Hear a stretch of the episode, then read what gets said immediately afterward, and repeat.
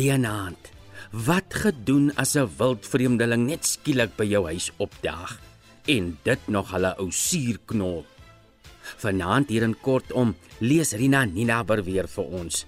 Die storie se naam is 'n 70er in die stad en is geskryf deur Andrei P Brink. Die storie kom uit die bundel Spitsuur. Geniet dit saam met my.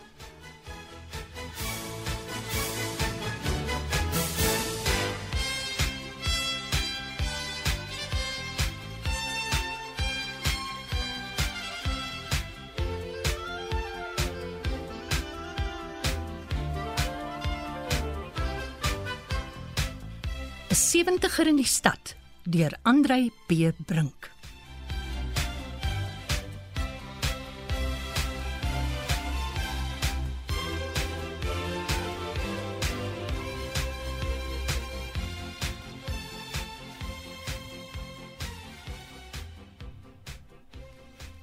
Ek sit nou die middag ewe vreedsaam hier in my kamer en werk. Skuins agter my op die skewe kassie is Mozart aan die trippel. En in die groen boom buite gaan die uitgelate voëls soos mal goed te kere. Hulle kan maar nog nie gewoon daaraan raak dat dit lente is nie. Sommer gister, eergister nog, het ek en my meisiekind soggens deur die bewasemde ruite die koulike sonnetjie dopgehou as hy in die binneplaas tussen die swart takke kom rol en die duwe swaar soos dennebolle loskit van hulle sitplekke. Nou staan die venster waawyd oop in die blou en liggeel dae. En sy is terug in Londen en ek sit in werk en teen die sein moet 'n mens versigtig loop om nie die minnepaartjies raak te trap nie. Ewe skielik klop daar iemand aan my deur. Geen bedaarde of selfs vasberade klop nie. Nee, Franse of 'n Engelse klop nie, maar 'n donderstorm van 'n klop wat die kusyne laat rittel en die duwe vervaart van die vensterbank opjag. Ek skrik my boeglam en gaan maak oop voordat die man dalk met die deur in die huis val. Op die skurwe maatjie staan daar 'n lang, dun wese, soos 'n onderste bo uitroepteken met baie hare en baard op onverwagte plekke. Hy hyg en blaas en ruik niks lekker nie. Jy is Andrei Brink, sê hy vir my. Ek probeer hom nie weer spreek nie.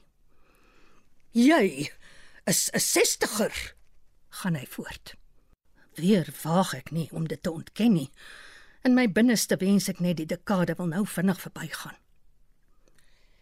Ek is Johannes J. Jansen sê die rooi vogtige gat in die middel van sy baard. Ek is 'n 70er. Wil jy binnekom? vra ek bedeesd. Ek sal binnekom as ek wil binnekom, sê hy en kom binne. Dis kan die drempel seker hy vas en kyk na die draaitafel op die skewe kassie. Wat raas so? vra hy. Mozart, sê ek. Mozart is oudtyds, sê hy. Voor ek kan kik of kwak, hervat hy. Die Beatles is oudtyds. Toe kyk hy my deurborend met sy woedende blou oë aan en beklink die argument. Jy is oudtyds.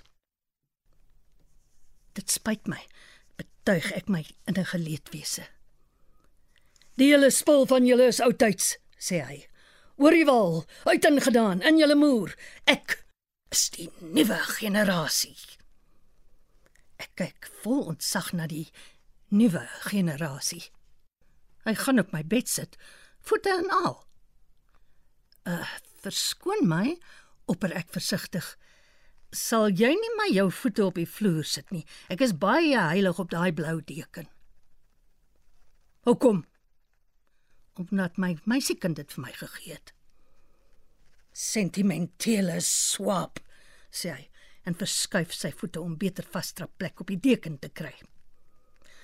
Dis die fout met julle oues van daai. Julle het die romantiek van die Tweede Wêreldoorlog in julle bloed. Ons jongeres is anders. Gevoel bring jou nêrens. Uh, ons beter darm nie net met gevoel nie. Waag ek dit gedagtig aan Etienne Leroux wat skaars 'n week gelede op 'n nuwe verjongingskuur hier verby is.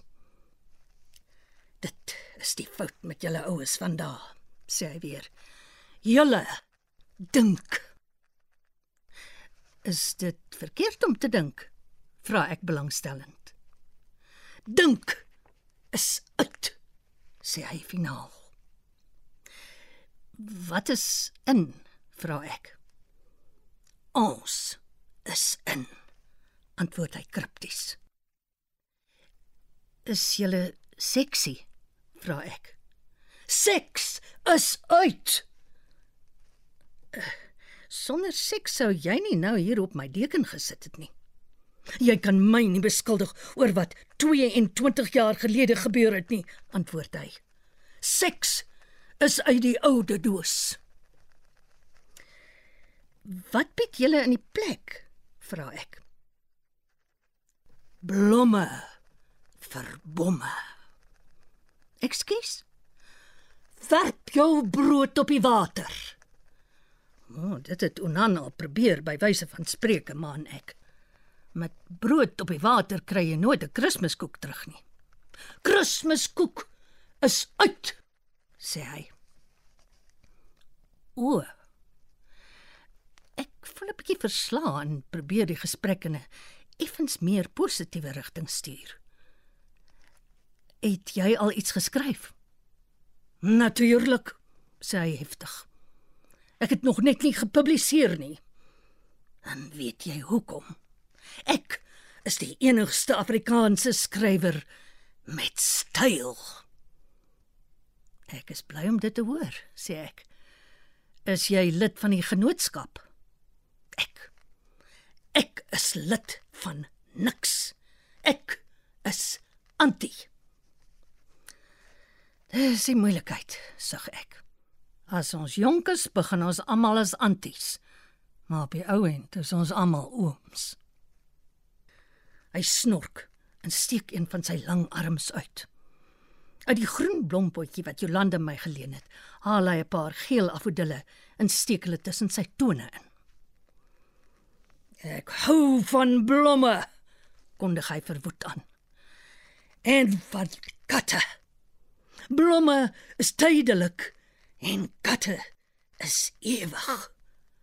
Oh, het jy vir my 'n stuk papier dat ek dit kan neerskryf? Dit tref my as 'n besonderse insig.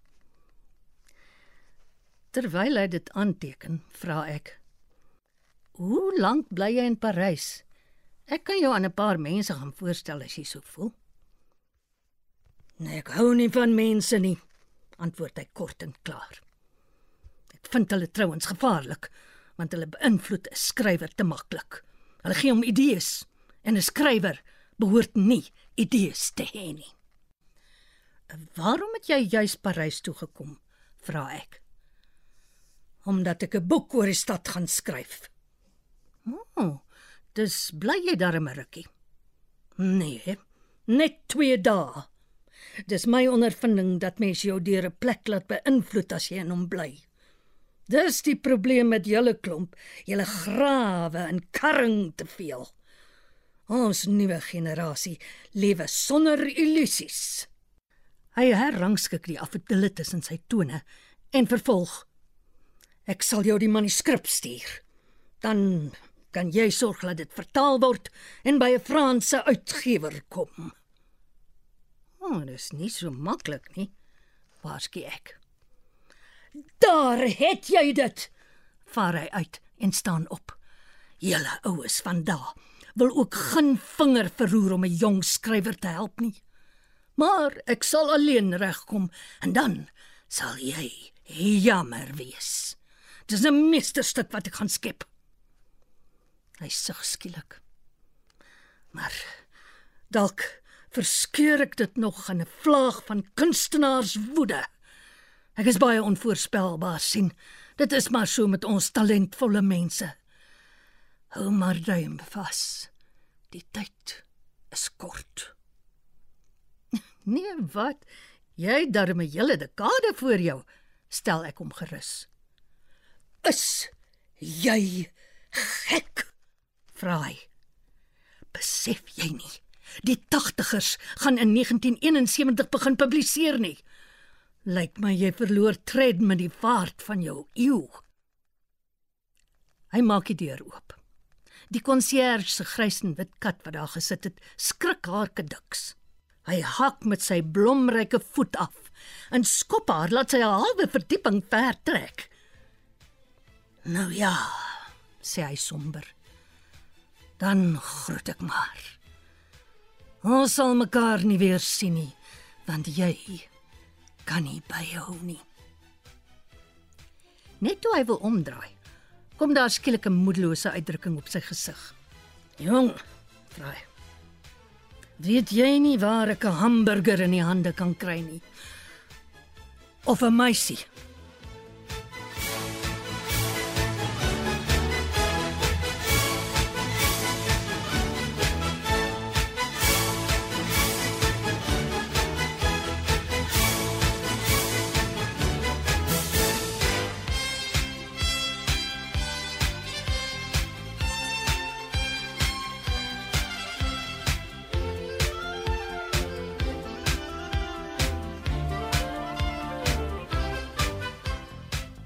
Dit was dan nou kortom vir vanaand.